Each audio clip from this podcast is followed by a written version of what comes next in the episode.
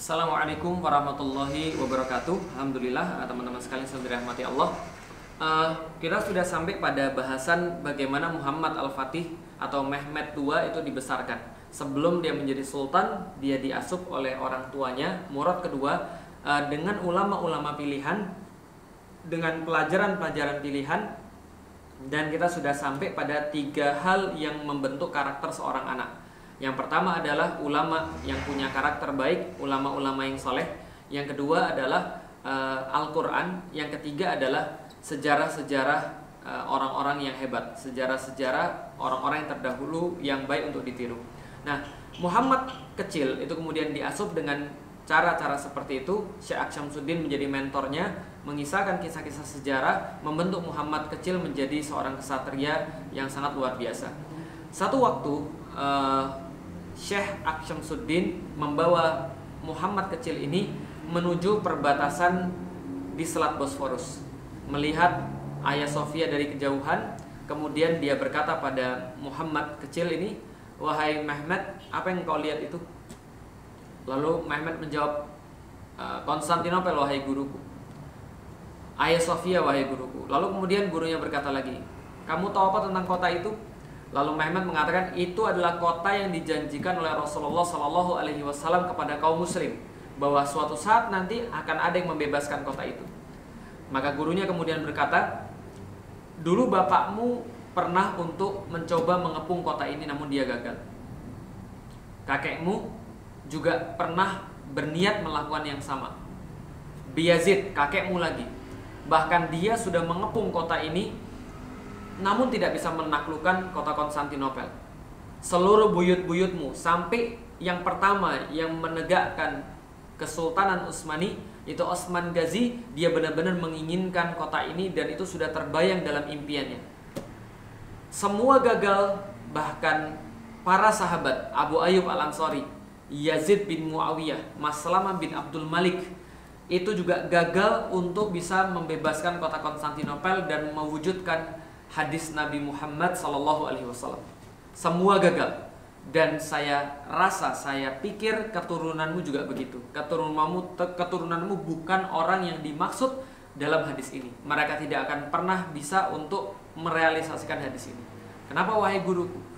Lalu gurunya menjawab, karena saya benar-benar berkeyakinan, saya benar-benar yakin dan dalam setiap doa saya, dalam tahajud saya, saya berdoa pada Allah bahwa yang dimaksud dengan pembebas kota Konstantinopel yang memimpin sebaik-baik tentara, sebaik-baik pasukan dan dia adalah sebaik-baik eh, pemimpin adalah engkau wahai anakku. Engkaulah pembebas kota Konstantinopel sebagaimana yang dijanjikan oleh Rasulullah Shallallahu alaihi wasallam. Rupanya kejadian ini benar-benar membekas pada Muhammad kecil dan dari situlah kemudian dia benar-benar meyakini bahwa dialah orang yang dimaksud dalam hadis Rasulullah Sallallahu Alaihi Wasallam latuf al Konstantinia fala ni'mal amiru amiruha wala ni'mal jaishu zalikal jais. Akan dibebaskan kota Konstantinopel oleh sebaik-baik panglima dan sebaik-baik panglima adalah dia dan sebaik-baik tentara adalah tentaranya atau pasukannya. Maka dia meyakini sekali dan terus-menerus dikuatkan oleh Syekh Syamsuddin dan guru-gurunya yang lain bahwa dialah yang dimaksud bahwa inilah saatnya masanya telah tiba Rasulullah Shallallahu alaihi wasallam telah menyampaikan tentang hadisnya dan hadis ini akan dipenuhi pada masa Muhammad kecil atau yang kita kenal dengan Mehmet II. Maka ini membuat sesuatu yang sangat hebat pada gilirannya. Apa yang kemudian terjadi? Muhammad kecil menjelma eh, sebagai seorang manusia istimewa. Dia menghafalkan atau menguasai 8 bahasa ketika berumur 16 tahun. Jadi dia menguasai 8 bahasa, Turki, Persia dan Arab itu adalah bahasa pada masanya, bahasa Kesultanan Utsmani. Lalu bahasa Latin dan Yunani, bahasa dunia pada zamannya. Bahasa uh, Slavik, bahasa Ibrani, uh, dan bahasa satu lagi Serbia. Dia menguasai banyak sekali bahasa, 8 bahasa untuk bisa memimpin orang-orang ini kelak nanti ketika dia perlukan. Dan tidak hanya itu, dia semenjak balik hingga meninggal tidak pernah melewatkan sholat rawatib dan sholat tahajud. Kenapa? Karena dia memahami Allah Subhanahu wa taala berfirman di dalam Al-Qur'an, "Iyyaka na'budu wa iyyaka nasta'in." Kepada Allah kita beribadah dan kepada Allah kita meminta. Maka kalau kita ingin meminta kepada Allah, kita memastikan diri kita harus beribadah lebih banyak daripada yang lain. Pertanyaannya senantiasa kalau ini orang sholat lima waktu, ini orang sholat lima waktu. Lalu kemudian dia minta, kamu minta. Kenapa Allah harus mengutamakan permintaanmu? Kalau ini orang sholat rawatib, ini orang sholat rawatib. Lalu kenapa? Kenapa Allah harus memenuhi salah satu di antara kalian? Karena biasa-biasa saja nggak ada yang berbeda. Kalau kita mau jadi berbeda, maka kita boleh minta lebih banyak sama Allah. Iya karena abudu wa iya karena stain. Lakukan dulu sesuatu yang istimewa, lantas kita boleh untuk meminta pada Allah. Kita layak untuk meminta pada Allah. Lakukan dulu kepantasannya. Nabi Ibrahim misalnya dalam kisah dalam Al-Quran, dia mendapatkan pengabulan daripada doanya setelah kemudian malaikat datang, tapi sebelum berita itu disampaikan kepada dia, dia melakukan sesuatu yang sangat istimewa, menjamu tamu-tamu yang yang itu adalah malaikat yang dia nggak tahu sebelumnya jam lewat tengah malam, mungkin jam 1, mungkin jam 2. Dia masain gulai kambing gitu kan ya, untuk kemudian menjamu tamu-tamunya. Sesuatu yang sangat istimewa. Kemudian dia diberikan uh, pengabulan daripada doa-doanya. Iya karena abudu, iya karena stain. Kalau dia ingin membebaskan kota Konstantinopel, maka dia paham betul. Dia harus menjadi panglima yang terbaik, pemimpin yang terbaik. Dan siapa pemimpin yang terbaik? Adalah yang paling dekat dengan Allah Subhanahu wa taala. Itulah yang terbaik. Karena siapa yang paling dekat dengan Allah, maka Allah akan memberikan apa pun yang dia inginkan. Kalaupun tidak Allah berikan, maka Allah sudah ridho sama dia. Maka yang dia lakukan adalah memperoleh ridho Allah dengan cara mendawamkan sholat rawatib dan mendawamkan sholat tahajud. Maka dia lakukan itu terus menerus agar Allah berkenan memilih dia untuk menjadi pembebas Konstantinopel sebagaimana yang disabdakan oleh Rasulullah Shallallahu Alaihi Wasallam.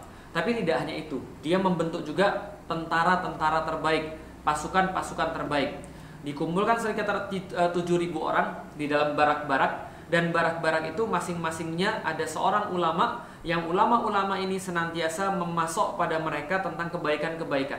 Tentang hadis, tentang Quran, dibaca tentang penyemangat-penyemangat jihad, mereka dikasih tahu tentang kehebatan-kehebatan uh, nenek moyang mereka, bagaimana kemudian janji Rasulullah bagi para mujahid, bagi orang-orang yang meninggal di jalan Allah ataupun kemuliaan ketika yang didapatkan ketika mereka uh, belum untuk dipanggil oleh Allah Subhanahu wa taala. Ulama-ulama dikerahkan untuk membina mereka dan siang harinya mereka berlatih, malam harinya mereka dibina oleh para ulama terus-menerus sampai setengah daripada pasukan ini senantiasa melaksanakan tahajud di malam hari.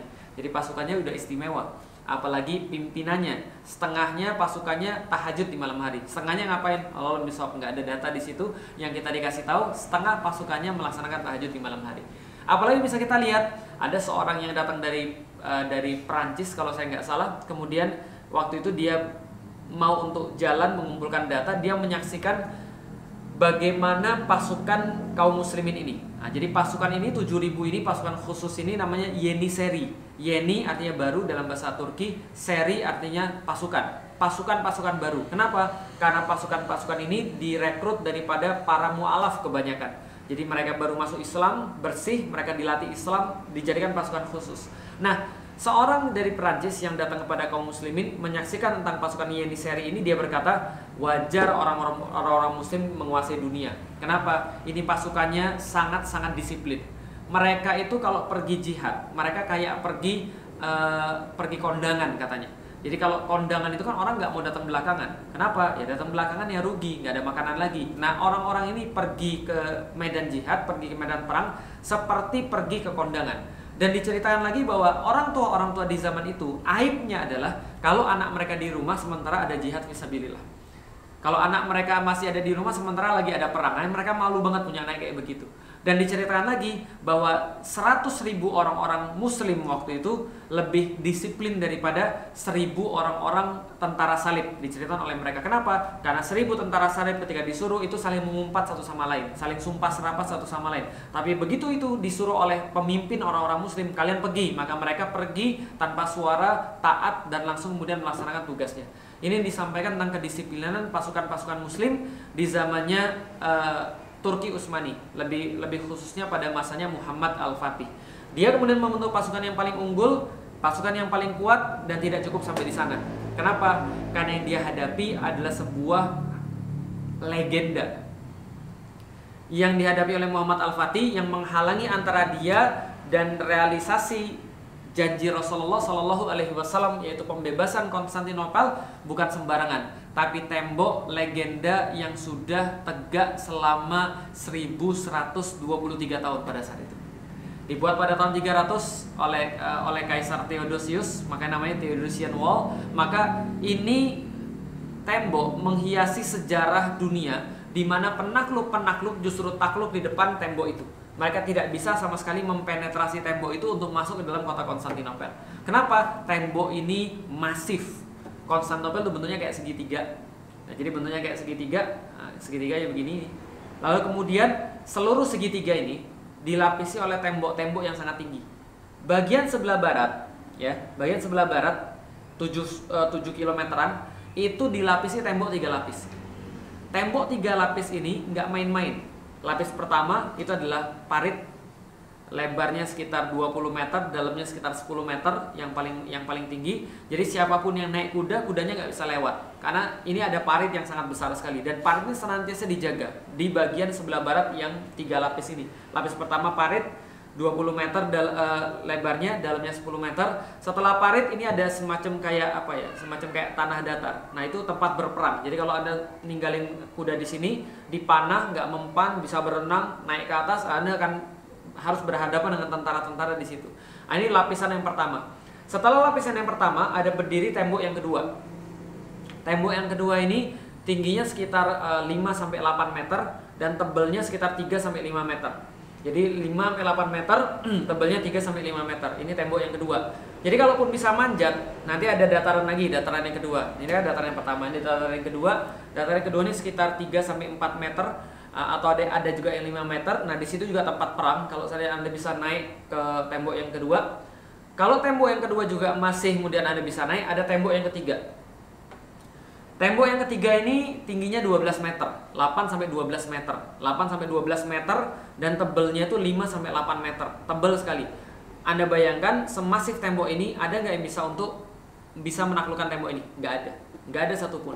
Adapun kaum salib ketika perang salib ke keempat ya kali ya tahun 1204 itu kemudian bisa menaklukkan kota Konstantinopel ini bukan karena mereka mengepung tembok Konstantinopel enggak tapi mereka itu maunya bilangnya kami mau uh, untuk suplai logistik karena kami mau pergi ke Yerusalem untuk ngambil kembali Yerusalem setelah Salahuddin al Ayyubi membebaskan Yerusalem kembali pada tahun 1187. Mereka bilang kami tolong dong, uh, kami mau logistik. Uh, ternyata malah dihabisi kotanya.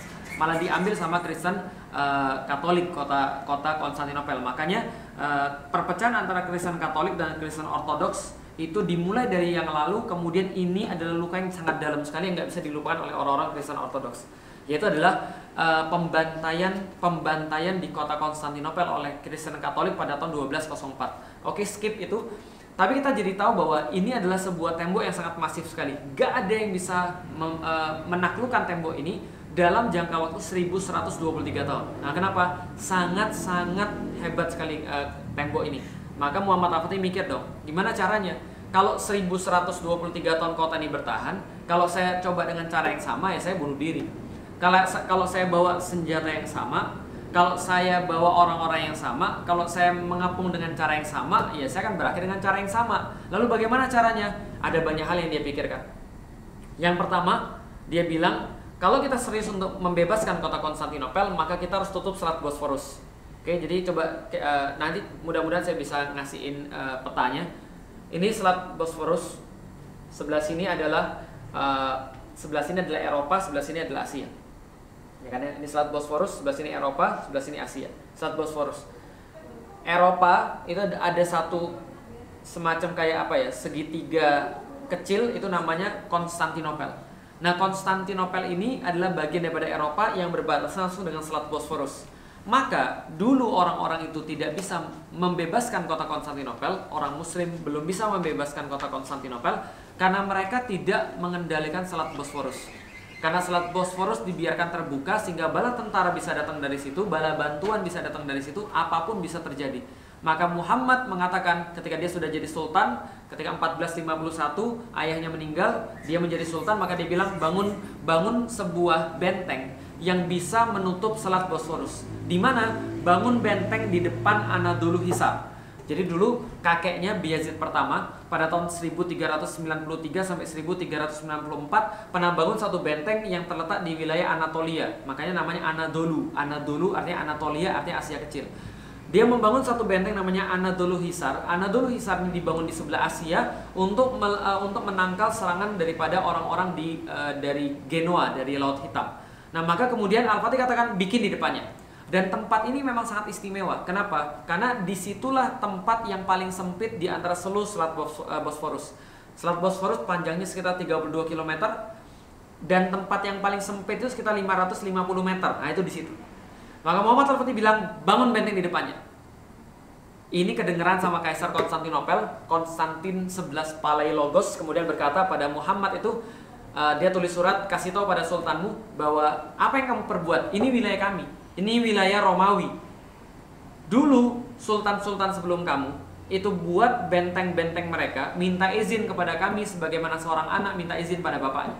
Lah kamu sudah buat benteng di tanah orang nggak pakai izin lagi Al-Fatih kirim surat balik tulisannya adalah kasih tahu pada kaisar kota Konstantinopel yang wilayah dia adalah kota yang dia tutupi dan lindungi dengan tembok-tembok dia saja. Selain itu bukan wilayah siapa pun dan kalau aku ingin membangun benteng di situ itu urusan saya bukan urusan dia. Dan kalau dia berbicara tentang sultan-sultan sebelum mereka, saya kasih tahu sultan yang sekarang berbeda dengan sultan yang lain. Yang tidak bisa mereka selesaikan, bisa saya selesaikan. Yang tidak bisa mereka lakukan, akan saya lakukan dan kalau saya menemukan ada orang datang ke sini lagi dengan mengucapkan hal yang sama, saya pastikan mereka pulang tidak dalam keadaan hidup. Setelah diancam, kemudian nggak ada yang berani lagi ke sana, pembangunan kemudian dilanjutkan. Pada tahun 1452 bangunan ini jadi, masya Allah, besar sekali, 30.000 meter persegi, masif luar biasa, berhadap-hadapan Anadolu Hisari dan Rumeli Hisari. Rumeli Hisari sangat besar sekali dan selesai dalam waktu 4 bulan dengan 5.000 pekerja sebuah bangunan yang sangat besar raksasa tiba-tiba muncul semua orang Konstantinopel kaget ini apa-apaan kurang daripada satu tahun ini kemudian bangunan sudah jadi dengan begitu kuat begitu hebat dan mereka kemudian menamakannya Boas Kesen pemotong tenggorokan. Karena boas itu namanya tenggorokan. Itu kayak kan saat Bosforus kayak tenggorokan. Makanya dikatakan pemotong tenggorokan. Pemotong tenggorokan. Ya itu itu yang mereka namakan. Selesai kemudian membangun itu Al-Fatih tetap harus punya cara. Bagaimana bisa membebaskan kota Konstantinopel mengatasi tembok yang sedemikian rupa. Membangun Rumeli Hisari atau benteng Rumeli tadi bukan berarti dia lantas memenangkan peperangan itu, tidak. Karena itu baru menghalangi orang-orang yang mau membantu ketika terjadi pengepungan. Tapi dia belum punya cara untuk menang. Bagaimana caranya? Walau misal dia nggak punya caranya. Yang dia yakini wa may yattaqillaha yaj'allahu yaj'allahu makhrajan wa yarzuqhu min haitsu la yahtasib Siapa yang bertakwa kepada Allah, Allah akan kasih kepada dia jalan keluar dan Allah akan tolong dia daripada jalan yang dia tidak duga-duga. Pucuk dicinta ulam tiba, eh, suatu waktu ada seorang seniman senjata datang pada Muhammad namanya Orban. Orban ini adalah ahli senjata berkebangsaan Hungaria. Dia datang lalu kemudian berkata pada eh, Muhammad, mau nggak saya buatin senjata?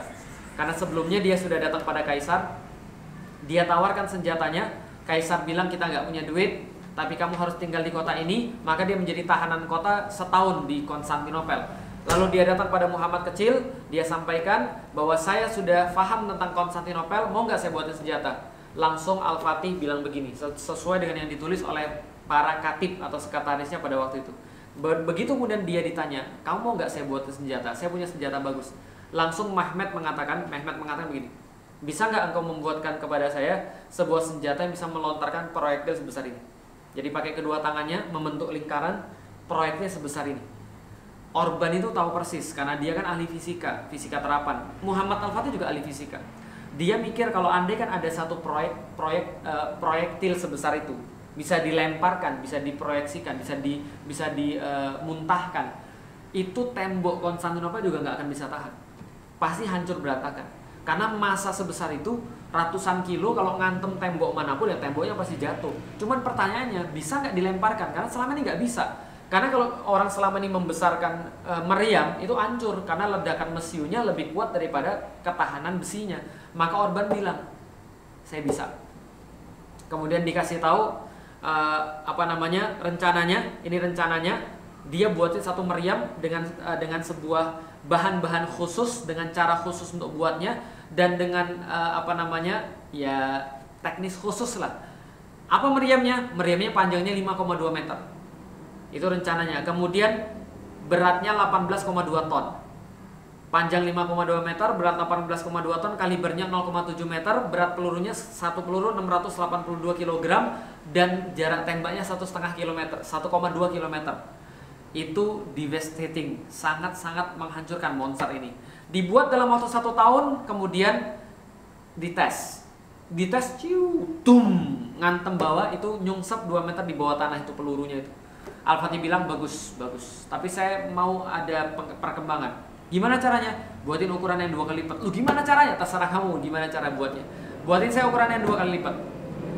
Setelah kemudian dalam waktu satu tahun Orban buatin pada Muhammad itu ada 69 meriam.